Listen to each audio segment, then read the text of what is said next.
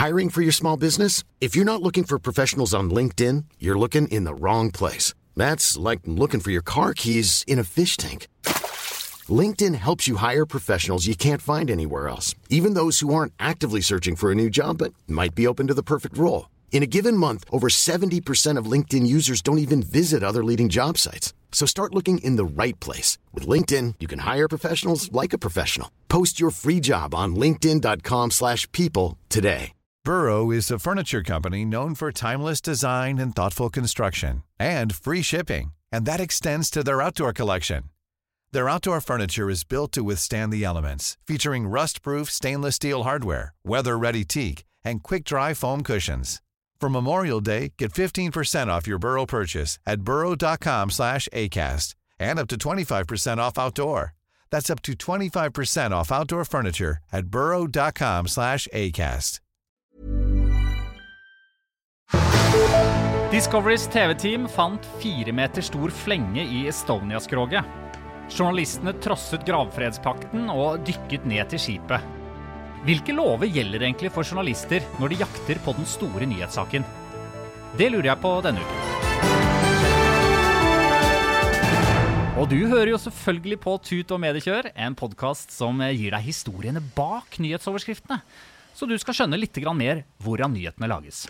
Jeg heter Christian Lydemar Strander. Hei. Og med meg som alltid har jeg Eva Sandum og Svein Tore Bergestuen. Hallo. Hei, hei. Hei, hei. Og jeg sier sånn hallo akkurat som om vi snakker eh, og er, at dere er i Amerika og jeg er i Norge. Hallo. Fordi det stemmer jo lite grann. Eh, Ja. vi, vi er fortsatt, jeg er fortsatt i karantene, så vi er i hvert vårt uh, soverom. Eh, ser det ut som. Ja, Skal vi Ja, gå er nærmere inn på det soverommet? Altså, Jeg er på det såkalte gutterommet, f.eks. For, for her er det mest eh, uforstyrret, uh, uforstyrrede forhold. Jeg er på tørkerommet. Du er på tørkerommet, ja. Det er veldig bra radio- og lydfaglig, Eva. Du vinner den prisen. Eva, bare sånn en rask oppsummering. Eh, du er altså kommunikasjonsrådgiver. 14 år har du vært og sittet i PFU, som er pressens faglige organ. Eh, Utvalg, ja. Utvalg, ja. Det er et, ikke et organ, ja. I hvert fall ikke et kroppsorgan. Nei, ikke sant. ja. Og så Svein Tore Bergstuen, du er jo vært eh, er, er det 25 år du tar på deg på CV-en din på, i, i mediebransjen? Eh, ja, det vil jeg si. Fordi at jeg er jo nå 46, og så har jeg jobbet eh, i media siden jeg var 20. Journalist og, og forfatter og, og også kommunikasjonsrådgiver. Ja. Før vi begynner, bare. Eva Sandum, fordi etter alle disse årene i PFU, og jeg vet jo at du har eh, hatt et veldig eh, anstrengt forhold til journalister. Eh, fordi du har jo eh, vært kjæreste til eh, Philippe, som vi har snakket noe om. Det var kryptisk for eh, mange, tror jeg.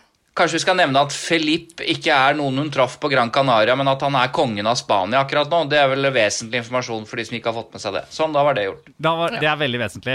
Men det jeg lurer på, da, det er jo sånn øhm, Har ditt forhold til eh, journalister forandret seg siden den gangen du følte deg veldig eh, jaktet på? Eh, og nå, som når du har jobbet veldig med øh, hvordan journalister skal øh, lage sakene sine? Ja da, det har jo det. Det er litt av motivasjonen egentlig for, eh, for dette prosjektet med den podkasten òg, syns jeg. Altså, da jeg ble invitert inn i Pressens faglige utvalg, så var jo det som representant for allmennheten.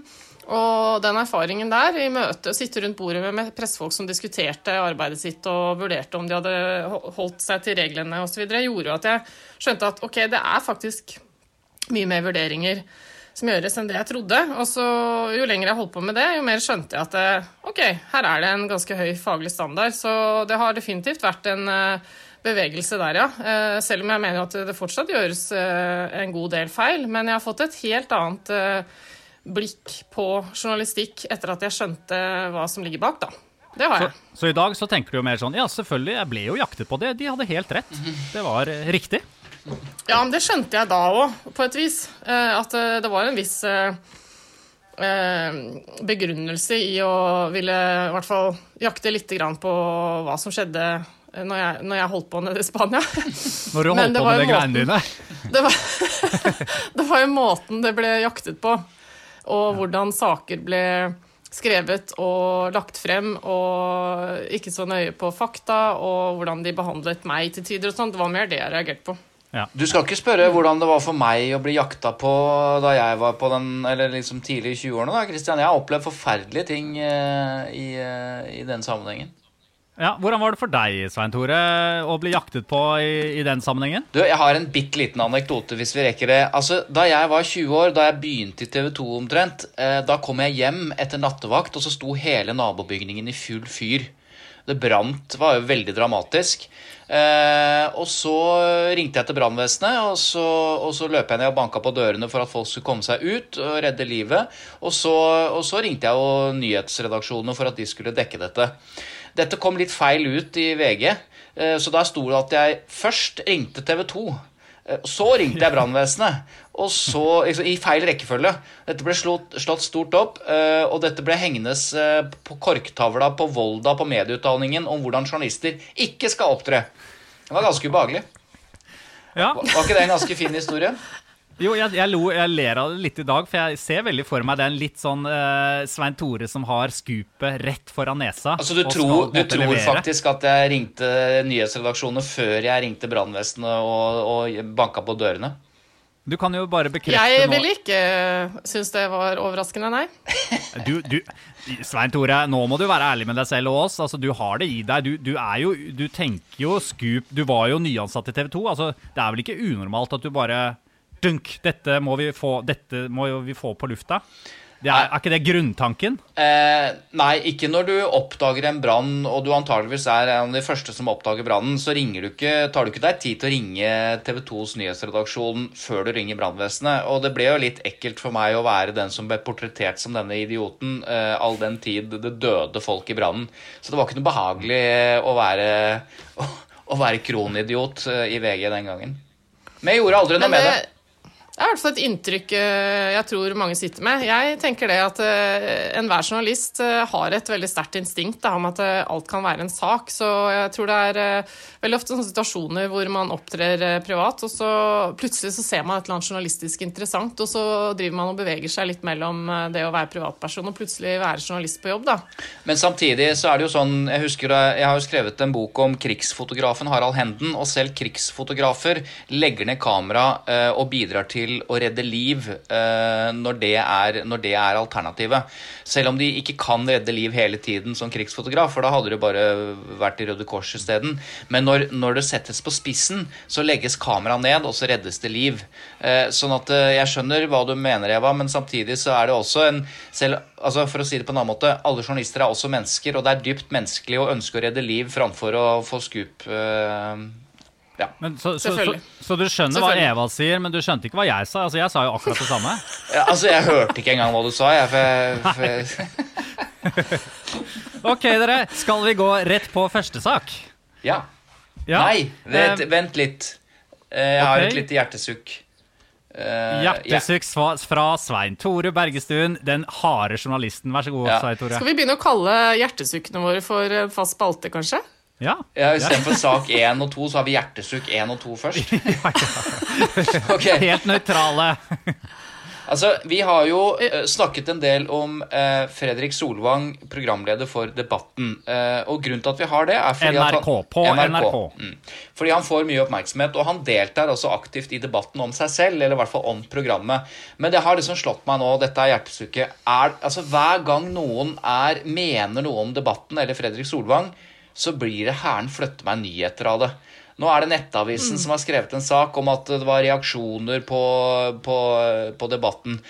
Poenget er at det var et par-tre stykker på Twitter som var, som var kritiske, og det er det alltid. Og så velger man å liksom fokusere på det, og så, skal Frid, og så må Fredrik ut og svare igjen. ikke sant? Og Det er for så vidt noe av det vi driver med. Det er jo en slags mediekritikk. men men jeg blir litt sånn er det så, Skal det være så lett? Bare finne noen på Twitter som mener noe, og så blir det oppslag i Nettavisen? Og, så, en- og jeg la merke til eh, da sak, altså noe av det mest kontroversielle som skjedde på Debatten, var oppe i Kringkastingsrådet. Så ble det laget saker på at, eh, at debatten ble slaktet Kris- Kringkastingsrådet. Ja, Ble den virkelig det? Nei, det var én person i Kringkastingsrådet som slaktet, mens det var flere andre som skrøt av det. Så hvis det skulle vært et oppslag som, måtte jo, som hadde vært redelig, da, eh, så ville det vært debatt eller diskusjon om debatten i Kringkastingsrådet. Men der velger eh, mediene eh, noen ganger å vinkle knallhardt på slakt. Og det, jeg kjenner at det, det der har irritert meg litt grann siste uka. Ja, det, det, har kanskje blitt mer og mer journalistikk som er sånn eh, basert på noens mening ut på sosiale medier, og så kommer det motpartens mening ut på sosiale medier, og så lager de saker av det. Jeg er enig. Men, men det er jo ikke så rart, da. Det er jo ikke så rart at det er sånn, fordi det er jo Man må jo fortsatt godkjenne at meningen er der ute. Altså uh, er det uh, folk som Det er lytterne, det er seerne, og det er de eh, alle lager noe for hele tiden. Så det er jo ikke så mm. unormalt å gå ut der og Hva er det du er opptatt av? Nå leser jeg at du er opptatt av noe, og Nei. da lager vi eh, sak om det. Nei. Ja da, Sosiale medier har gjort at det har blitt et mye større tilfang av kilder i eh, mediene. Så sånn sett er det en veldig positiv ting. For før var det jo en litt større jobb å komme til orde i avisa. Måtte jo sende leserinnlegg og greier. Mens nå ja. er jo mange folks meninger tilgjengelig, så det er veldig positivt. Men det er samtidig Men, også eh, veldig lettvint da, å bare vippe opp noen greier fra Twitter og så lage en, en sånn stor oppsiktsvekkende sak på, på slakt og kritikk osv. Fordi Poenget er jo at eh, journalistene skal jo også eh, Altså, det etterlatte inntrykket bør være noenlunde i orden. Eh, og hvis det er en sak som er kontroversiell, f.eks. i debatten, så er det gjerne noen som mener på den ene siden, og noen som mener på den andre siden. Og da kan det være greit å, at det etterlatte inntrykket av en sånn sak er nettopp at det er diskusjon og uenighet om det, ikke bare at det er slakt. For det er noe helt annet. Ja. Mm. Det er jeg enig i. I hvert fall så syns jeg Fredrik Solvang eh, skal ha skryt, da, fordi han gjør seg jo veldig tilgjengelig for eh, meninger og kritikk. Eh, han er jo søren meg ute i forkant av hvert eneste program og forteller om vurderinger og er forberedt på at noen kan sikkert mene ditt og datt, og det er hundrevis av kommentarer på Facebooken hans hver eneste uke. Og han tar seg tid til å svare og kommentere og, og, og, og imøtegå kritikken og sånn. og Det syns jeg jo er veldig positivt. da. Vi etterlyser jo at mediene skal være litt flinkere til å diskutere sine egne metoder og vurderinger og sånn, og det gjør jo definitivt. Han er en av de få journalistene som virkelig bruker masse tid på det. Mm, enig. Og du, vi, vi, ja. vi, vi, skal jo, vi skal jo kritisere Solvang senere i denne sendingen. Eh, skal vi ikke det? Nei, nå tar du feil Fredrik. Vi skal, vi skal kritisere en annen Fredrik. Ja, det var en bra teaser. Hva Det, da, mm, da aner ikke jeg hva som skal skje litt senere i denne episoden. Men du, vi, vi, skal vi nå ta sak én? Eh, skal jeg få ha et hjertesukk òg, eller? Nei, men Det var det voldsomt mye følelser det var i denne episoden. Hva skjer? Nei, det er bare en ting jeg har tenkt på. Jeg har bare lyst til å høre hva dere mener om det. For at, uh, Vi snakket jo forrige uke om at Kristin Skogen Lund hadde vært ute og, og, og på en måte kritisert uh, VG sin dekning uh, av Tangen-saken.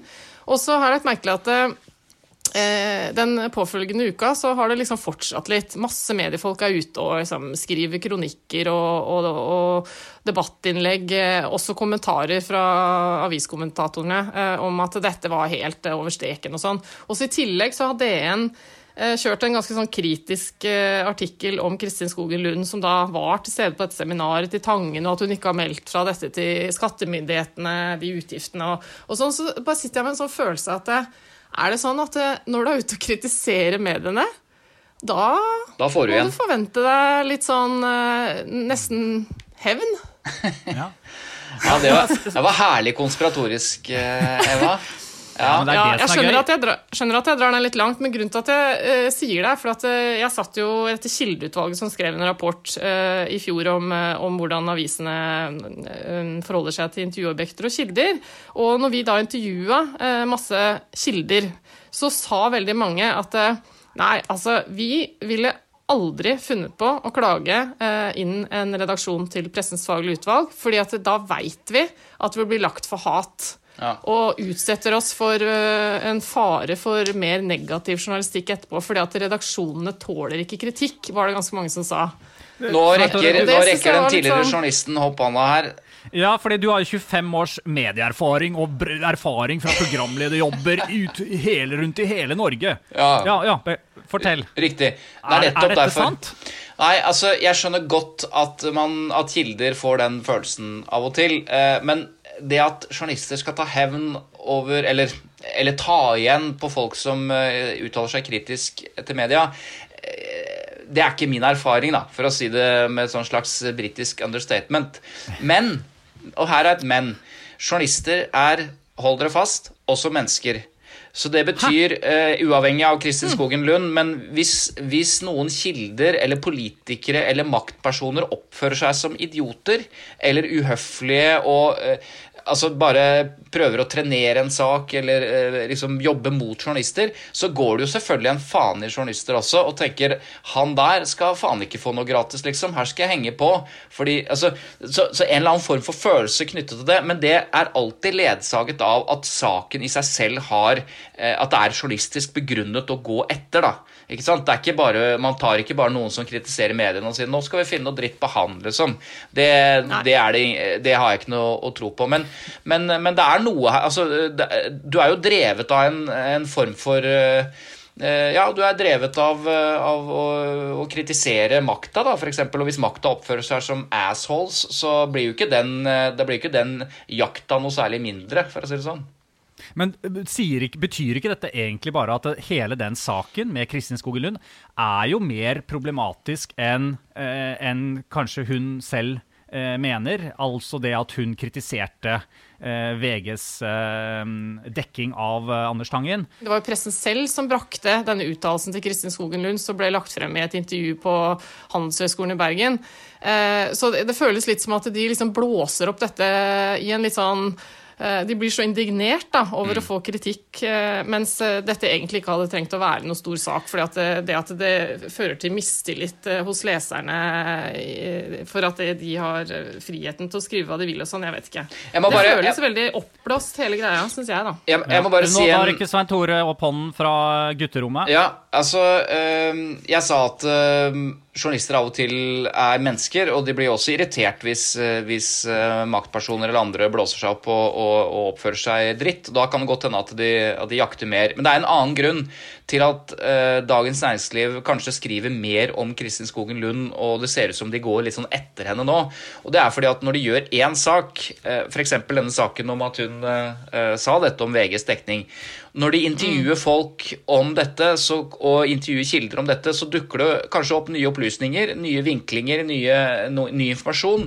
Og, da er det jo, eh, og det er jo derfor det ofte blir følgesaker. ikke sant? Det er jo derfor ofte eh, at det blir en slags kontinuitet i en dekning. At oi, eh, Åslaug Haga hadde ikke bare ulovlig brygge, hun hadde ulovlig stabbur og greier og greier. Så når man først mm. begynner, så dukker det opp informasjon som er journalistisk interessant, og, og det har nyhetens interesse. Så det, det som oppleves som en slags kampanje mot en person da, kan egentlig bare være en helt naturlig eh, på en måte dynamikk eh, i saken. da.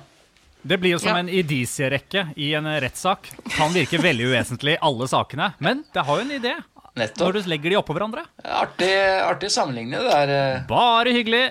Kontakten er hvis dere trenger flere sånne sammenligninger. Ja. Da skal vi gå til sak én, og da lurer jeg rett og slett på denne uken Hvor langt er det greit at journalister går i jakten på den aller beste historien? Uh, og vi skal snakke konkret om uh, da Discoverys TV-team uh, dykket ned til Estonia-vraket og fant en fire meter stor flenge i skroget. Men, og, men aller først her, før vi diskuterer denne saken, Svein Tore. Mm. Hva, bare ta oss gi en rask oppsummering. Estonia.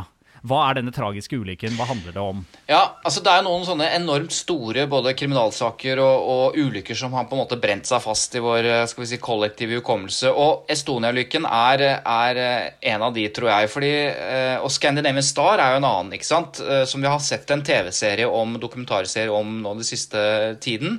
Og nå er det altså en ny dokumentarserie som har fått mye oppmerksomhet. Og da mener jeg mye, altså. Det er skrevet artikler både i BBC og New York Times om de nye opplysningene som du nå refererte til. Discoverys TV-team som har dykket ned til Estonia-vraket. Og Estonia-ulykken, enormt stor skipskatastrofe fra 1994. 852 mennesker som mista livet da bilfergen eh, Estonia sank da i, i, i, Østersjøen. Så dette er en av de absolutt største ulykkene i fredstid. Jeg har snakket med Fridtjof Jacobsen, eh, som var eh, produsent på denne dokumentarserien hos Monster, eh, produksjonsselskapet. Han er jo nå politisk redaktør i Dagens Næringsliv, men da jobbet han altså med dette prosjektet, denne dokumentarfilmen, som vi jo også må huske på at er journalistikk. Og det han fortalte var at det var mye uro, masse spørsmål som sto ubesvart rundt denne Estonia-saken. Og denne regissøren som har vært med på prosjektet, han hadde en idé, kom til Monster. Eh, og her forteller Fridtjof eh, hvordan det, det utvikla seg.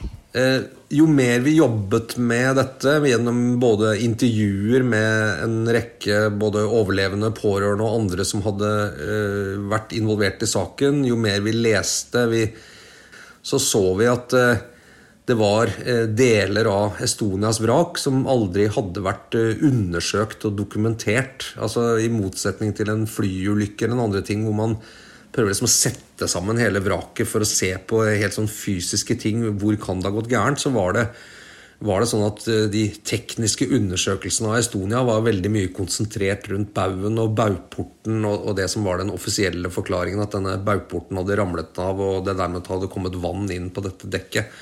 Eh, så det var mange rett og slett eh, blindsoner, og vi lette og lette og lette i videoopptak som var gjort i 94 etter ulykken, og i dokumentasjon i skaderapporter, men vi så at her var det store deler av fartøyet som ikke var undersøkt. Eh, og det sammen med at en del sånn vitenskapelige innsigelser mot, mot, den hypotesen som ble lagt frem av Havarikommisjonen om hvordan dette uhellet skjedde, eller ulykken skjedde, eh, som gikk på at eh, det, det, var mye som tydet på at det fantes en eller annen ukjent skade. At Estonia kunne ha tatt inn vann et annet sted enn gjennom baugen. Eh, som kunne forklare at den ikke bare tippet rundt, sånn som den gjorde, men at den sank så fort når den ble liggende med, med kjølen i været gjorde at vi tenkte vi fikk undersøke eh, da, eh, de uoppdagede stedene på fartøyet for å se om vi fant en, en, eh, en uoppdaget skade eller noe ved, som man ikke hadde sett på vraket før. Så, så, det var utgangspunktet for at vi gjorde det, eh, sånn journalistisk. Ja, Det var Fridtjof Jacobsen som da jobbet i Monster Film. Og det som jeg er veldig nysgjerrig på, det er jo sånn Hvordan tenker en journalist herfra? For her er utgangspunktet her er det noe som undersøkes. Her er det ubesvarte spørsmål. Hey, it's Danny Pellegrino from Everything Iconic. Ready to upgrade your style game without blowing your budget? Check out Quince. They've got all the good stuff shirts and polos, activewear, and fine leather goods, all at 50 to 80% less than other high end brands. And the best part? They're all about safe, ethical, and responsible manufacturing.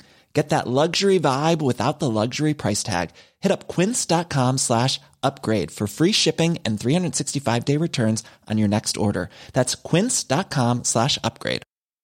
Hiring for your small business? If you're not looking for professionals on LinkedIn, you're looking in the wrong place. That's like looking for your car keys in a fish tank. LinkedIn helps you hire professionals you can't find anywhere else, even those who aren't actively searching for a new job but might be open to the perfect role. In a given month, over 70% of LinkedIn users don't even visit other leading job sites. So start looking in the right place. With LinkedIn, you can hire professionals like a professional. Post your free job on linkedin.com slash people today. Men fra å gå fra det utgangspunktet til å bryte gravfreds, eh, gravfreden eh, og dykke ned, og bevisst da bryte regler. Hvordan foregår eh, en sånn eh, avgjørelse i en redaksjon? Ja, det, det, var jo ikke lov uh, å dykke på dette stedet fordi det skulle anses som en gravplass. Det var underskrevet en gravferdstraktat, og loven gjorde at man da ikke skulle forstyrre dette gravstedet av respekt for uh, de avdøde som fortsatt ligger uh, på havbunnen, rett og slett. da. Samtidig som de understreker at de involverte i dykket var nordmenn og tyskere som da ikke representerte land, egentlig, som hadde skrevet under denne gravferdstraktaten. Men uansett så bestemte de seg for å gjøre dette med respekt. Ikke gå inn i skipet, bare være på utsiden. Eh, behandle det hele med varsomhet, bare observere. Men Eva, en ting er jo at de, de eh, på en måte strengt tatt ikke går inn i vraket. Men det er jo egentlig eh, hele avgjørelsen i forkant, at de tar skipet ut dit og bestemmer seg for å dykke ned, som jeg lurer litt på. Fordi her, da går de jo bevisst inn og sier at de skal bryte lover eh, for å få sin nyhetssak frem. Og um, er det Altså, tenk hvis de ikke hadde funnet noe der nede, mener jeg. Da hadde de jo stått der og bare som noen som hadde brutt en lov. Kristian, kan jeg svare på det før du svarer, Eva? For jeg syns jeg, jeg, bare Jeg synes jeg hører den utrolig pliktoppfyllende, flotte, veloppdragende Kristian i dette spørsmålet. fordi, Ja, fordi, fordi det er sånn Ja, men har de lov til det? Nei, de har ikke lov til det, men de vurderer jo dette her ganske enkelt som at den risikoen tar vi fordi vi tror at det er noe å finne her. fordi skroget er ikke, så vidt de kunne se, skroget er ikke, er ikke undersøkt på, uh, på den måten. Uh, sånn at det, dette gjør de, og så tar de hele konsekvensene av det. Fordi her er på en måte målet, uh, målet hellige middelet, da, på et vis. Og den type journalistiske avgjørelser kan, gjør man jo av og til, ikke sant? Fordi at de anser som altså, ytringsfriheten eller pressefriheten eller historien og saken og, og verdien av det er viktigere enn den straffa man eventuelt uh, får. Og så må man kunne stå for det i ettertid. Da. Det er en, i hvert fall en generell vurdering som journalister og redaktører kan gjøre. Jeg tror det er viktig også å huske på her at uh, når man ser uh, dokumentaren, så forstår man også at det er veldig mange etterlatte her som stiller spørsmål ved den avgjørelsen som ble tatt om å ikke, ikke hente opp skipet og hente opp de døde. Eh, og det er mange som fortsatt, eh, 26 år senere, eh, savner et svar, ikke sant? Og, og sitter med en følelse av ubesvart spørsmål, av Det fins masse konspiras eh, konspirasjonsteorier osv. Så, videre. så utgangspunktet her er jo at eh, de er gravejournalister på oppdrag eh, for eh, eh, noen ofre, kan du si. Jeg Det er nok ganger- deres resonnement. Ja, ikke sant? Ja. Men ganger, jeg har bare noen ganger følelse av at journalister gjemmer seg litt ofte bak ideen om vi må undersøke pga. allmenninteresse. Vi, her er det store eh, ubesvarte spørsmål. Og, Ja, og altså, måtte jeg- derfor jeg få lov til til å gjøre eh, ting som egentlig ikke er lov. Men, men de Jeg kan skjønne ja. det spørsmålet, absolutt. Eh, Det er, jo, det er jo greit å stille seg det spørsmålet, for noen ganger så kan det godt hende at det er riktig at journalistene går litt vel langt eh, på vegne av noen som de mener fortjener bedre svar. Men eh, man må også huske på at det, det er jo en veldig viktig oppgave for journalistene å gå makta i sømmene og så store og viktige avgjørelser i sømmene, og her er det jo en masse mennesker som eh, mener at eh, denne saken ikke er løst. Så, så her eh, tenker jeg jo at de er på et ja, prisverdig oppdrag, syns jeg, da. Men så er det viktig, Kristian, altså journalister og redaktører står jo ikke over loven. Så de, de, de kan jo prøve å gjemme seg bak store ord om, om, om ikke sant, Allmennhetens ja, men de, men, men de kan bli tiltalt, eh, og de kan bli dømt, de også, hvis de bryter eh, norsk eller internasjonal lov. Så de, de får ikke gjemt seg bak det. Det er bare at de gjør en kalkulert vurdering eh, om at eh, vi mener at det er viktigere, og så får vi heller ta den straffa. Og på samme måte som journalister er villige til å gå i fengsel for å beskytte kildene sine, f.eks. Eh, men det betyr ikke at de står over loven. Det betyr bare at de gjør andre vurderinger. Bare for å ha sagt det, da, som kommer frem i dokumentaren også. ikke sant? Så De månedene etter ulykken så ble det satt ned en etikkomité som skulle vurdere om det var hensiktsmessig å hente opp skipet og de døde. Eh, og dykkere som var nede ganske tett etter ulykken, de vurderte det jo dit hen at det hadde ikke vært noe problem å hente opp døde kropper osv.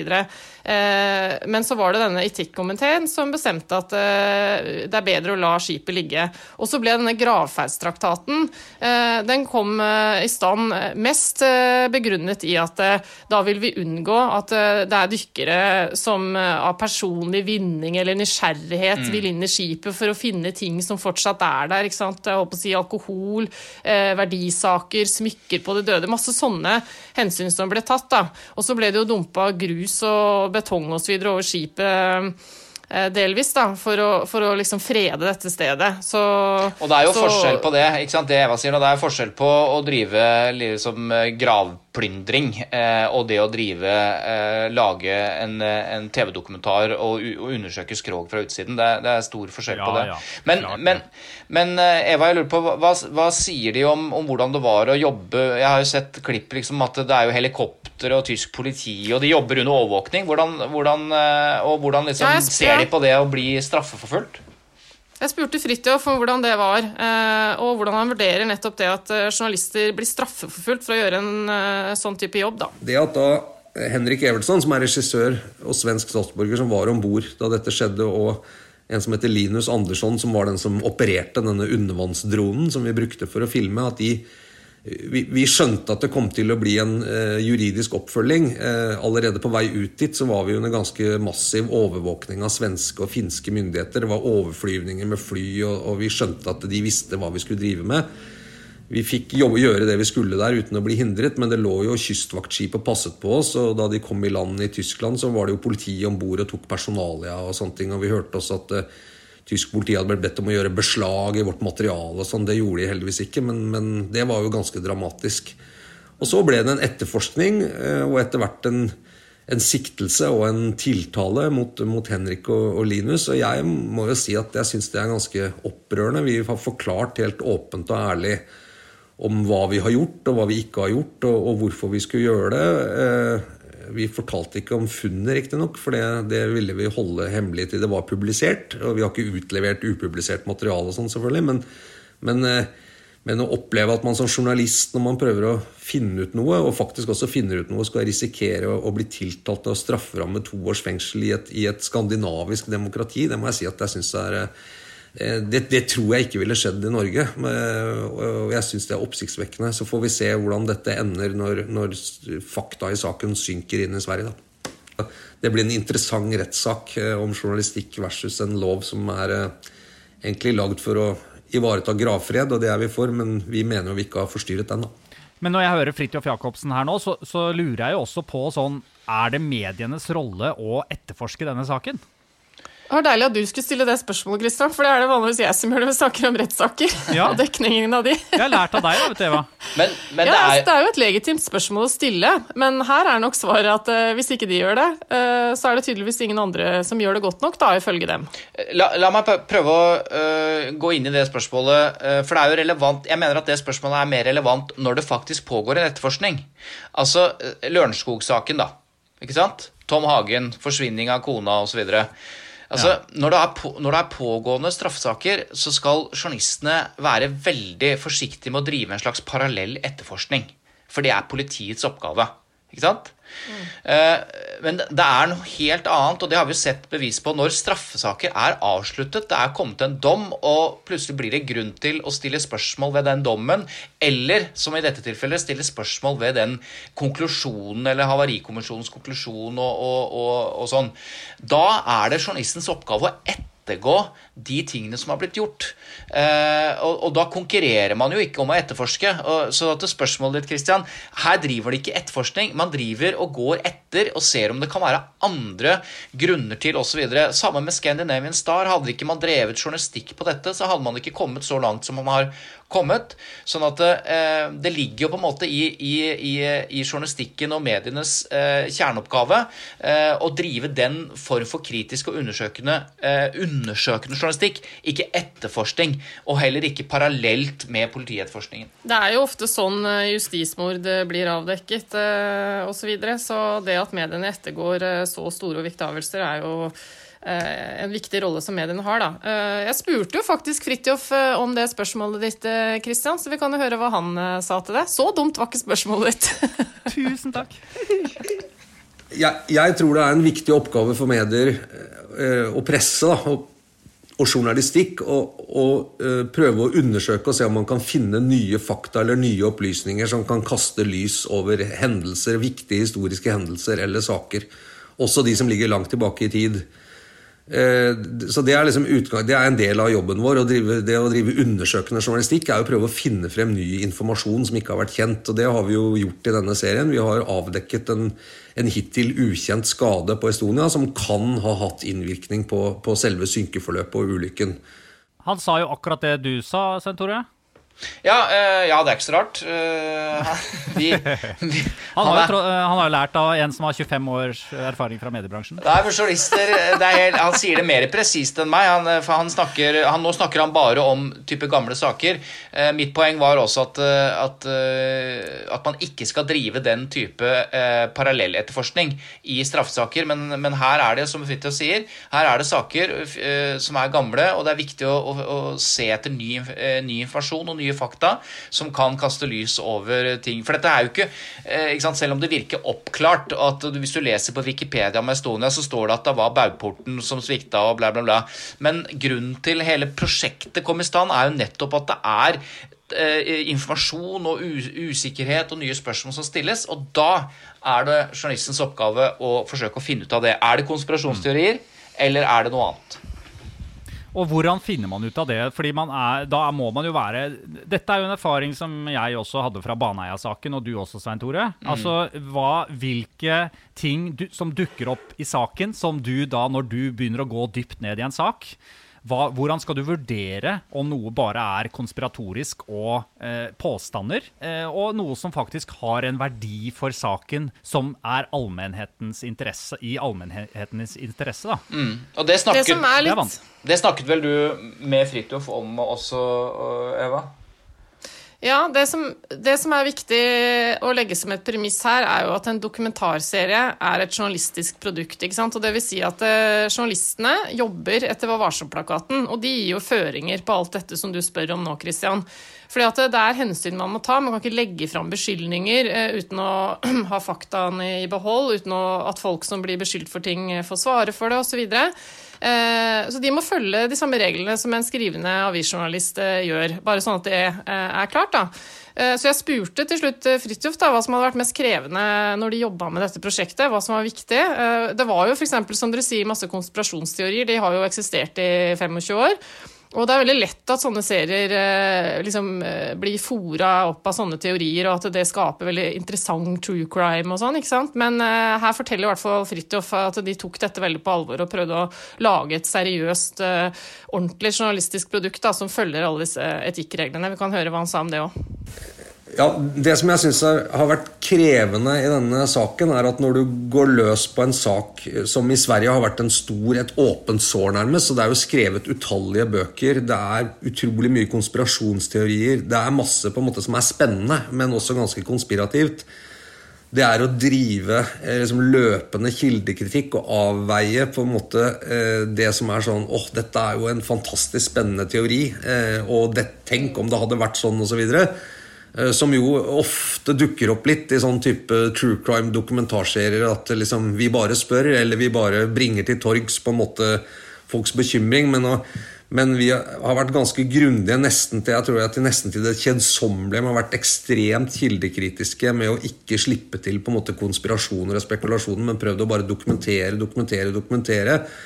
Og hvis det skulle være på en måte synspunkter og teorier, så har det vært veldig klart at det har vært hvor det kommer fra. Og vi har vært veldig nøye med å prøve å ikke strekke det for langt. Det har, det har vært det ene som har vært krevende. Det andre som har vært krevende, er at vi har gjort veldig mange eh, fremstøt og, og mot eh, de myndighetspersonene som behandlet denne saken i sin tid. Statsråder, statsministre, eh, sjefer for Sjøfartsverket i Sverige osv. Men vi har opplevd veldig liten grad av medvirkning, at de i veldig liten grad ønsket å medvirke. Og det hadde jo vært bra for serien om de hadde ønsket det, men, men de fikk på en måte eh, alle mulige sjanser. Og det han snakker om nå, Christian, eh, hvilket punkt er det fra presseetikken? Jeg aner ikke hvilket punkt det er, men jeg vet jo at det er samtidig imøtegåelse. Nettopp, for det har vi snakka veldig mye om. At, eh, ikke sant? Han eh, forteller nå at eh, han prøver å få samtidige kommentarer på beskyldninger som de legger fram. Og Derfor har de da måttet ta bort enkelte påstander som de ikke får ordentlig svar på. Da. Det er interessant. Men alt i alt, eh, dette er virkelig en dokumentarserie som fortjener eh, honnør og oppmerksomhet, og det har den jo da fått, både i inn- og utland og utland etter utland. Eh, så det blir jo spennende å se. Jeg har ikke sett hele serien, men, eh, men eh, det blir veldig Ja, å se konsekvensene av det, da. Skal Den vi ligger gå da, den er på Discovery, på Viaplay, er det det? Nei, nei, nei! Og dette er en profesjonell mediebruker. Det du sa nå, var Discovery, og så sa du plutselig hovedkonkurrentens uh, webløsning, altså Viaplay. Det er altså Dplay, Discovery, og uh, TV3, gamle TV3-gjengen, det er da Viaplay, ikke sant? Men, men du, dette her Men er jo helt kaos. Dette beskriver problemet. Ja. For at, Ja, det er derfor jeg syns det var gøy. For at eh, Viaplay, Dplay, Sumo, bl, bl. NRK er mye lettere, for der er det bare NRK TV. Det er så mye bedre. Og jeg har ikke oversikt på hvor mange abonnementer etter hvert, og hvor mange kroner som bare lirkes automatisk ut av kontoen din på alle disse forskjellige plattformene som jeg da har lyst til. eh, og det er én dokumentar der og én dokumentar der. Altså, jeg blir jo helt gæren. Ja, og faen, Altså, jeg er er så enig, jeg, Kristian. Jeg Ja. blir gal av alle disse forskjellige kontoene og innloggingene og ulike brukerabonnementer. Mm. Eh, Jeg holder på å bli gal av det, rett og slett. Jeg abonnerer jo på absolutt alt. Og det er, altså det er helt vanvittig. Jeg abonnerer på Viaplay, Dplay, Sumo, eh, HBO, Apple pluss, eh, VG, Aftenposten, E24, Dagens Næringsliv. Altså Jeg betaler jo 2,4 millioner kroner hvert år eh, for alle abonnementene mine. Ja. Og har du da 2,4 millioner forskjellige passord også? Eh, jeg har i hvert fall Nei, jeg har bare ett passord. Så hvis noen har lyst til å hacke meg, så får de tilgang til alt fra eh, skatt, personopplysninger og HBO-konto ved å bare skrive pip. Men dere, her sitter vi tre stykk som er over gjennomsnittet opptatt av å lese nyheter på alle mulige måter, og vi, vi begge tre Og vi alle tre irriterer Vi begge tre. Er, den, eh, er det lovlig på norske skoler i 2020? Nei, jeg tror ikke det. altså. Nei, nei. nei men jeg bare tenker sånn, skal, må, må vi ikke finne ut litt mer av dette? Altså, Hvorfor er det sånn? Hvorfor skal det Jo. være så vanvittig vanskelig å, å, um, å betale for journalistikk, egentlig? Det, det må vi finne ut av. Det, la oss snakke Kan vi ikke om det neste gang. Ja, kan vi ikke gjøre det? Fordi Neste- det er en del spørsmål. Det er veldig mange som lurer på? Hvorfor, kan vi ikke, hvorfor kan vi ikke betale for enkeltartikler. Hvorfor kan vi ikke bare kjøpe et abonnement på alle norske aviser eh, osv. osv. Det er utrolig mange frustrerte folk der ute som eh, gjerne vil konsumere nyheter. La oss eh, ringe litt rundt og høre med de ulike konsernene og sånn hvordan For det, for det er jo sånn, pressen, alle journalister sitter jo på verktøy hvor dette finnes. Alle journalister har tilgang, eller kan kjøpe tilgang til Retriever, f.eks. Som er svindyrt for en vanlig person, så det er jo umulig å gjøre. Men der får du jo tilgang til alle aviser, f.eks.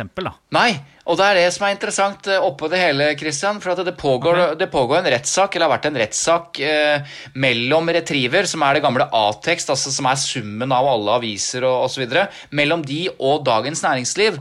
For nettopp når ting blir satt bak betalingsmur, eller perleport, eller hva man måtte kalle det, så Jo, men ikke sant, så uh, tenker jo Dagens Næringsliv at uh, da kan jo ikke Retriever bare uh, gi det videre til brukerne. Så det er jo en rettssak nå hvor det, Dagens Næringsliv har saksøkt Retriever fordi de videreformidler essensen i artikkelen som skal betale for. Så at det, dette er så komplisert og så mye greier at dette må vi finne ut av. Ja, det gleder jeg meg til. Neste ja, uke. Veldig bra. veldig bra. Men dere, da går vi videre i dagens eh, episode, og da er vi kommet frem til ukens lytterspørsmål.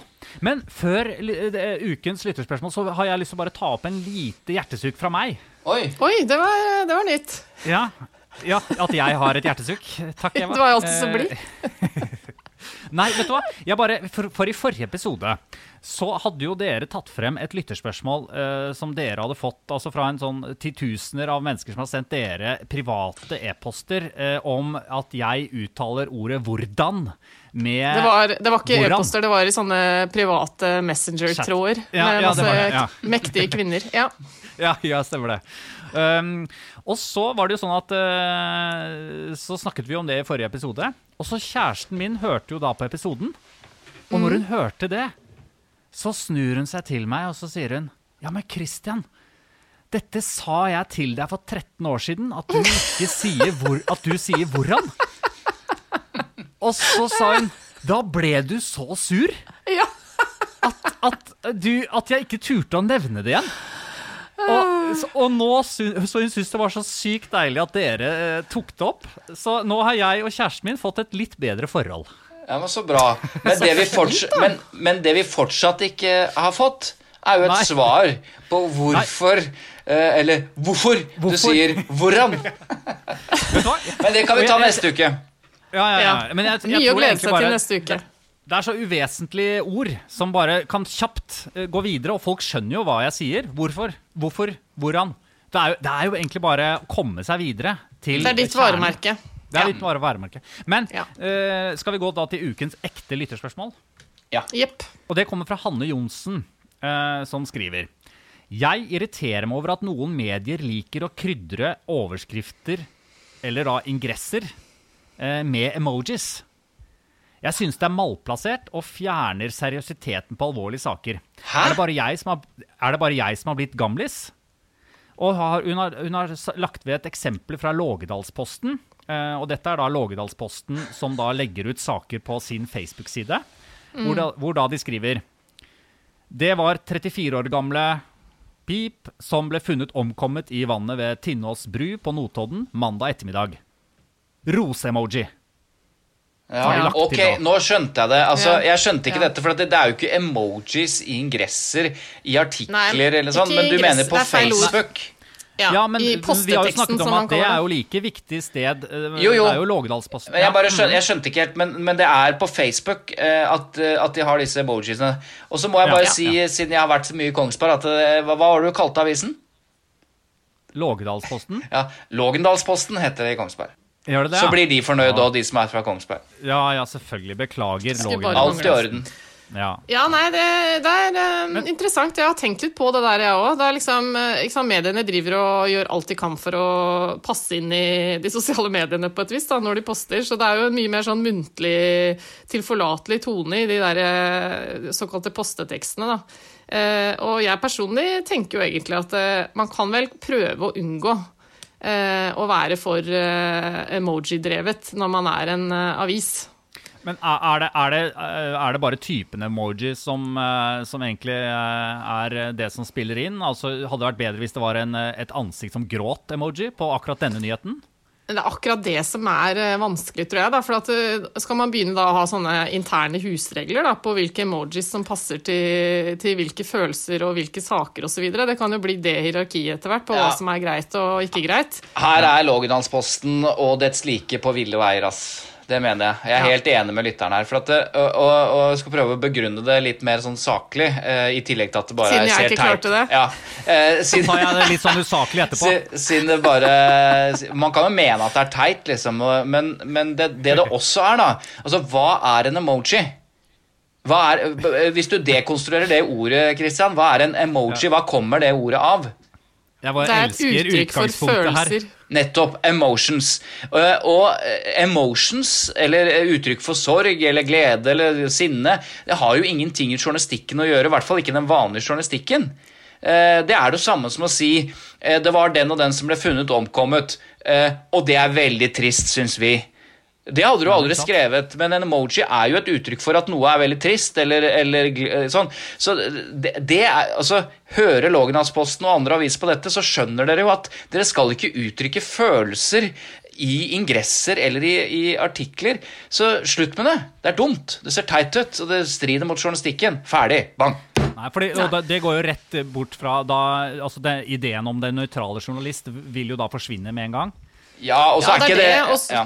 det er det, og så- er det bare litt det at eh, mediene kan vel med stor fordel eh, fremstå som nøytrale, objektive og seriøse. Man trenger ikke for enhver pris eh, prøve å eh, bli en del av uttrykket i sosiale medier. Det er, så det er en sånn misforstått greie at vi må bli mer ungdommelige for å treffe ungdommen, og da må vi snakke emojispråket når vi poster våre saker.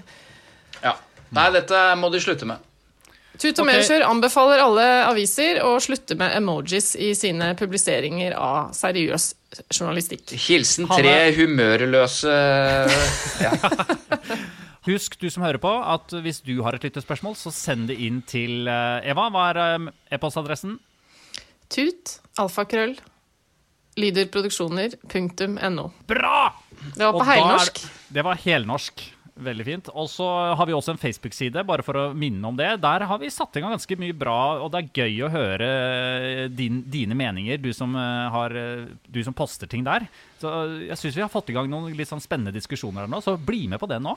Vi får veldig mange meldinger på siden, Ja. men folk kan også bare poste på siden, sånn at andre folk kan kommentere. Det er også mulig. Det er veldig koselig å sette i gang litt dialog hvor eh, flere involverer seg. Og spesielt nå i den eh, saken vi skal ha neste uke, da. Skriv inn til oss hva du mener om eh, abonnement, betalingsmurer, cookies, alt som eventuelt irriterer deg rundt det. Cookies, altså.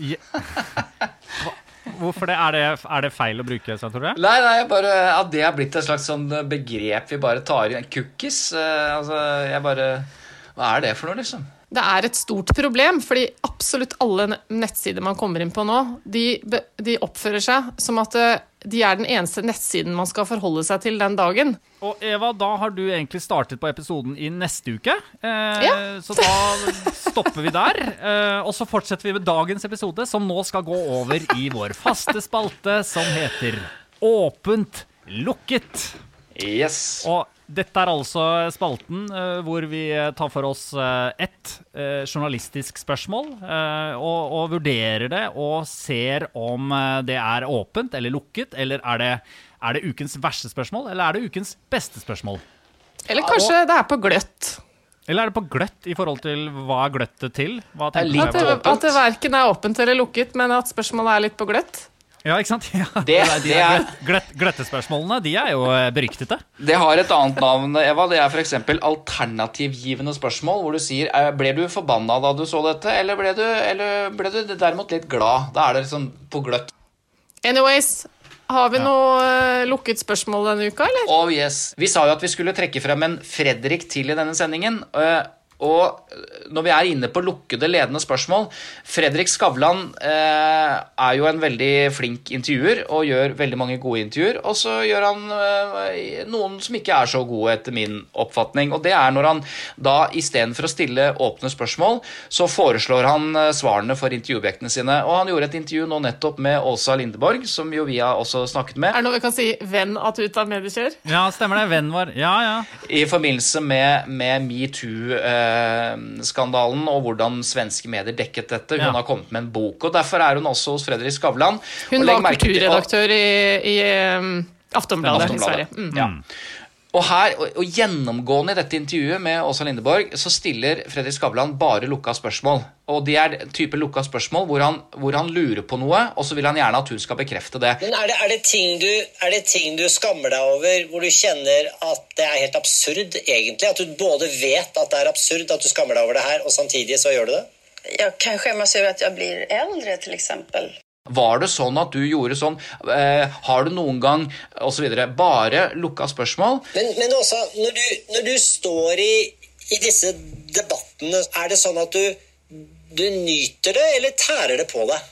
Nei, jeg, av, jeg avskyr debatten. Kjenner du fysisk at det stresser deg? Ja, jeg, ja, det gjør jeg. Og, og, igjen, faren med det er at du ikke får det som vi kaller pålitelige svar. Altså det hun egentlig mener. Fordi folk er høflige, så de vil gjerne forsøke å bekrefte eller gi deg rett på den, den, liksom den ideen du hadde der. Eh, og dette, hør på dette. Dette er ett av mange eksempler i det intervjuet hvor han stiller et sånn type spørsmål.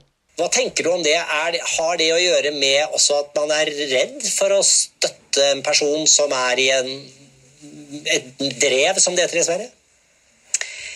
Eh, ja, absolutt. Så var jo hele den metoo-høsten at eh... Dette var altså fredagskongen Fredrik Skavlan. Vi må sparke oppover også. Eh, det er ingen som går fri her i Tut og Mediekjør. Nei. Det, vet du hva, Jeg blir så provosert når noen mener at noen skal gå fri fra Tut og Mediekjør. Ja, det er ingen som skal gå fri fra oss. Nei, skal bare ja. Skal Nei, sagt. Svein Tore Bergstuen, Eva Sandum, jeg heter Christian Lydemar Strander. Husk å abonnere på podkasten. Ja. Lik og skriv eh, og hold skriv på. Skriv en omtale eh, på der hvor du hører podkaster. Det hjelper oss veldig. Ja. Og så er det sånne stjerner Takk du kan trykke på. Da, det, da, må du trykke på alle stjernene. Ja, hvis du syns det, da. Uh, og så er denne laget av Lydproduksjoner, og så har vi fått støtte fra Fritt Ord. Og så er vi tilbake neste lørdag. Jepp. Yep. Ja. Hallo, er dere der? Vi, er vi ferdige nå? Ja, nå er vi ferdige.